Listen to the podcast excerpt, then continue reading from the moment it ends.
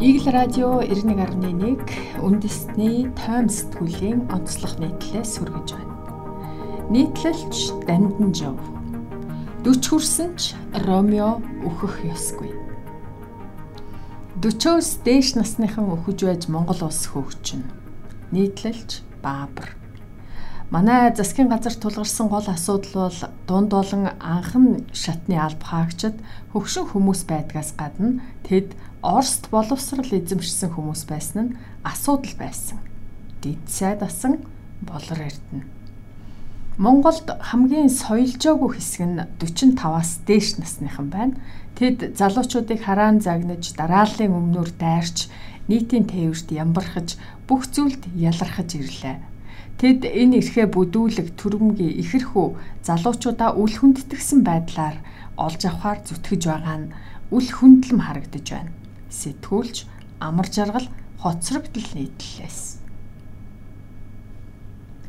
Эдгээр ишлэл дээр нэмээд саяхан сошиал орчинд өрнсөн хоёр үйл явдлыг нийтлэлийнхээ эхэнд сануулъя. Автобусны суудал нэгэндээ тавьж өгөх хэсгээс үүдэлтэй охин өвгөн хоёрын маргааныг хүмүүс хоёр тал болон хүлээн авсан. Үнэн дээр өвгний тал ялагдсан гэхэд болно.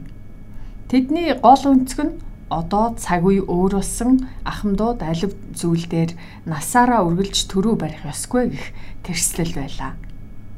Өвгний зүгээс бүдүүлэг үг хэлгээр дайрч залуу үедээ хүндлэгтгүүц зам байдал ёс суртахуун гаргаагүй нь тэр тохиолдолд буруутгахаас аргагүй нөхцөл мөн хэдий ч олон нийт тэр дундаа залуучуудын зүгээс хөгшчүүд ер нь нийтээрээ ийм гэх үзэл хандлага илэрч байлаа.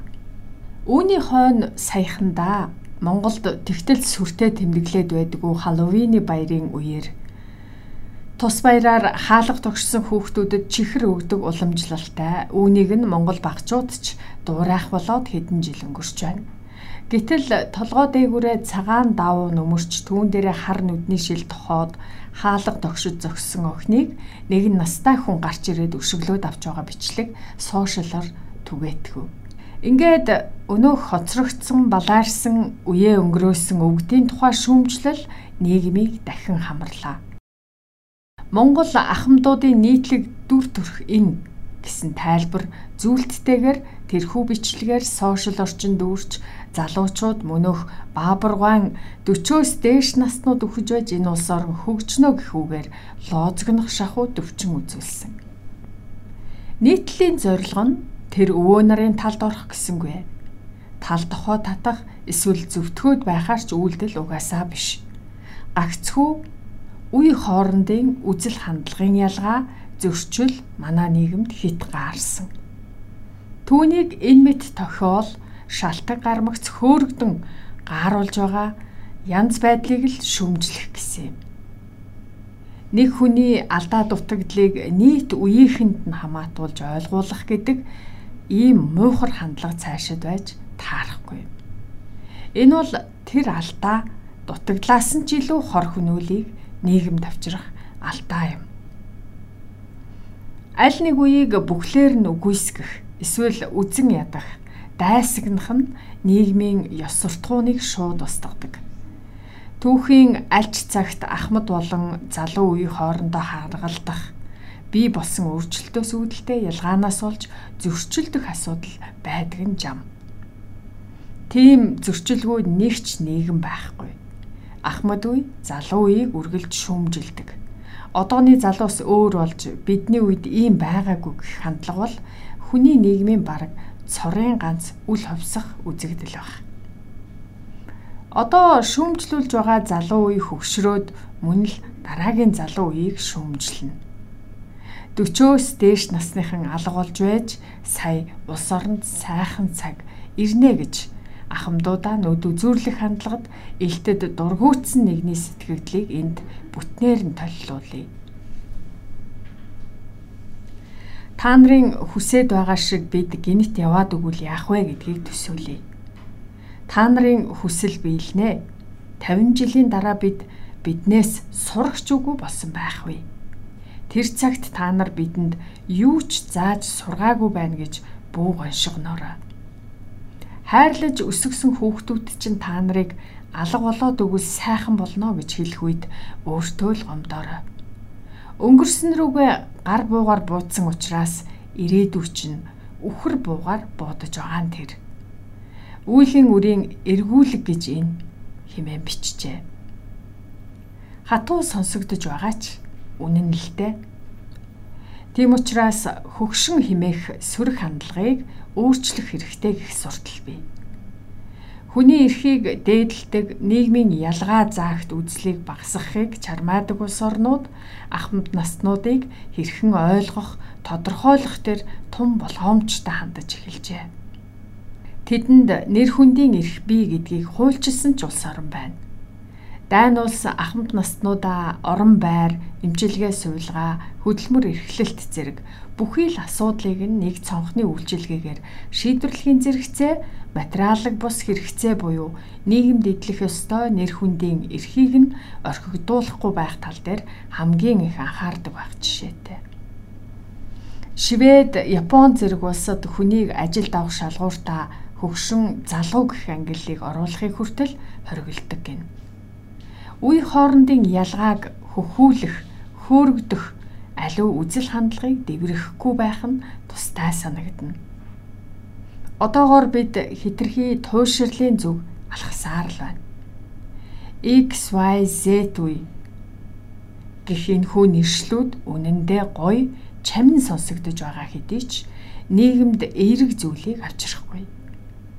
Танаа үе, манаа үе гэх талцал хуваагдлыг бий болгож цаашлаад нэг нь нөгөөгөө буруутгах хутга шүв болж хувирч байгааг анзаарахгүй байх аргагүй юм.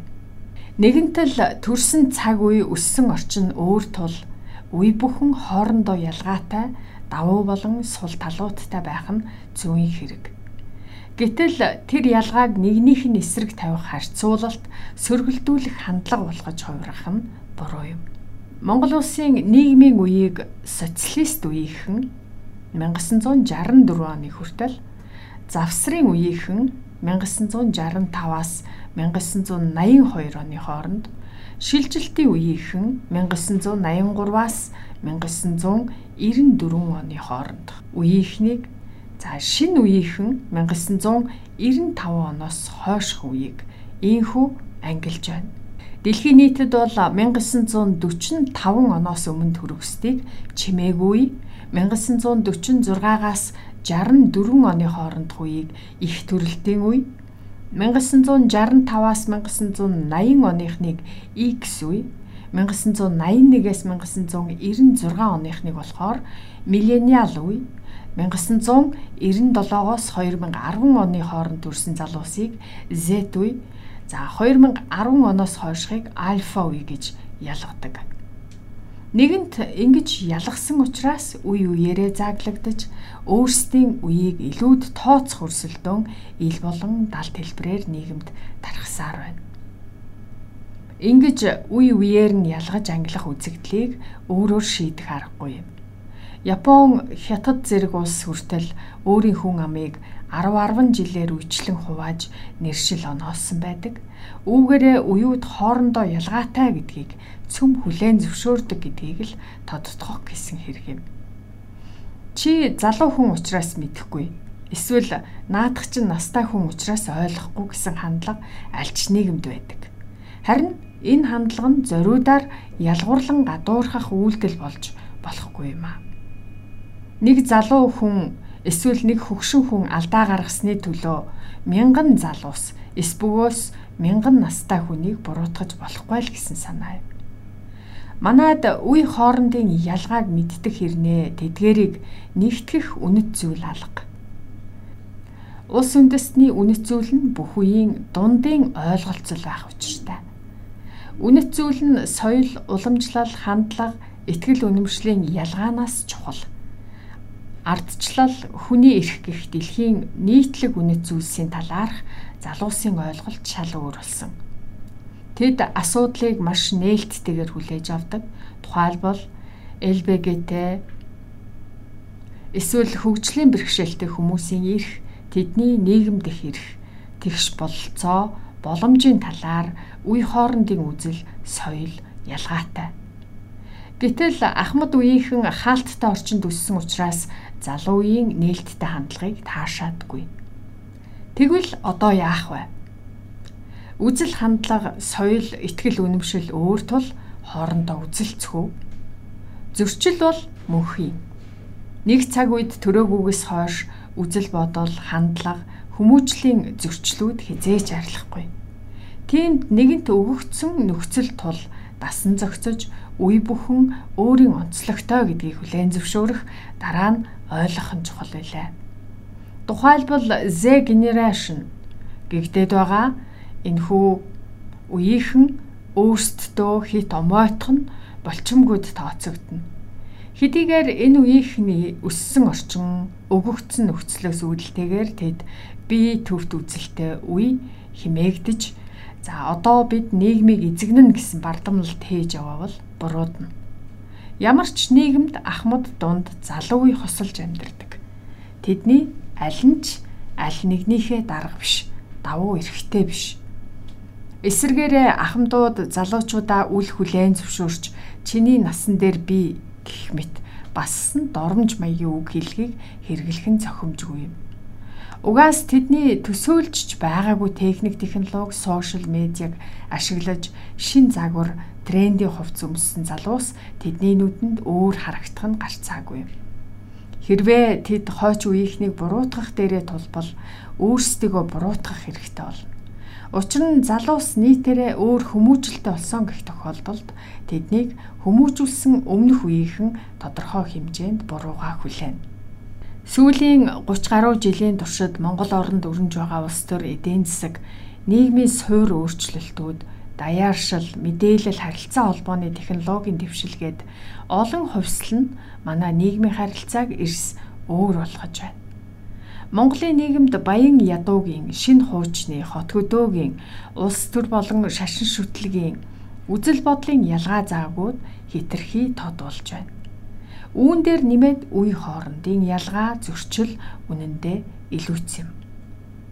Нийгэм гэдэг нэг бүхэллэг организм шүү дээ. Нийгмийг бүрэлдүүлж байгаа ахмад болон залуу үе хоёр тийшээ хараад суучгаж болохгүй. Тиймээс тэднийг зангидах, нэгтгэх үнэт зүйл хэрэгтэй. Үе хоорондын зөрчил хувцад бол тухайн нийгэм, улс оронд ямар ч залгамж чанар, уламжлал, үнэт зүйлийн тухай ярихын хэрэггүй болно. Нийтлэг үнэт зүйлээр үндэстнийг удирдах хөгжлийн өндөр түвшинд хүрч чадсан улс орнуудын жишээ Сингапур, холбооны бүгд найрамдах Герман улс байна.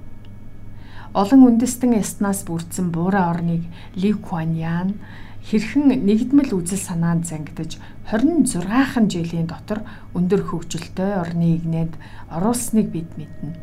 Яг энэ шалтгаан манай орныг залуу хөгшин гих хоёр тусдаа хүн шиг биш хамтдаа нэг хүн шиг ажиллаж амьдарч бодож сэтгэхэд хүргэх учиртай гэж найддаг билээ. Тиймээс Баабрын хэлсэнтэй санал нийлэхгүй Ромео 40 хүрсэн ч өөхөх ёсгүй.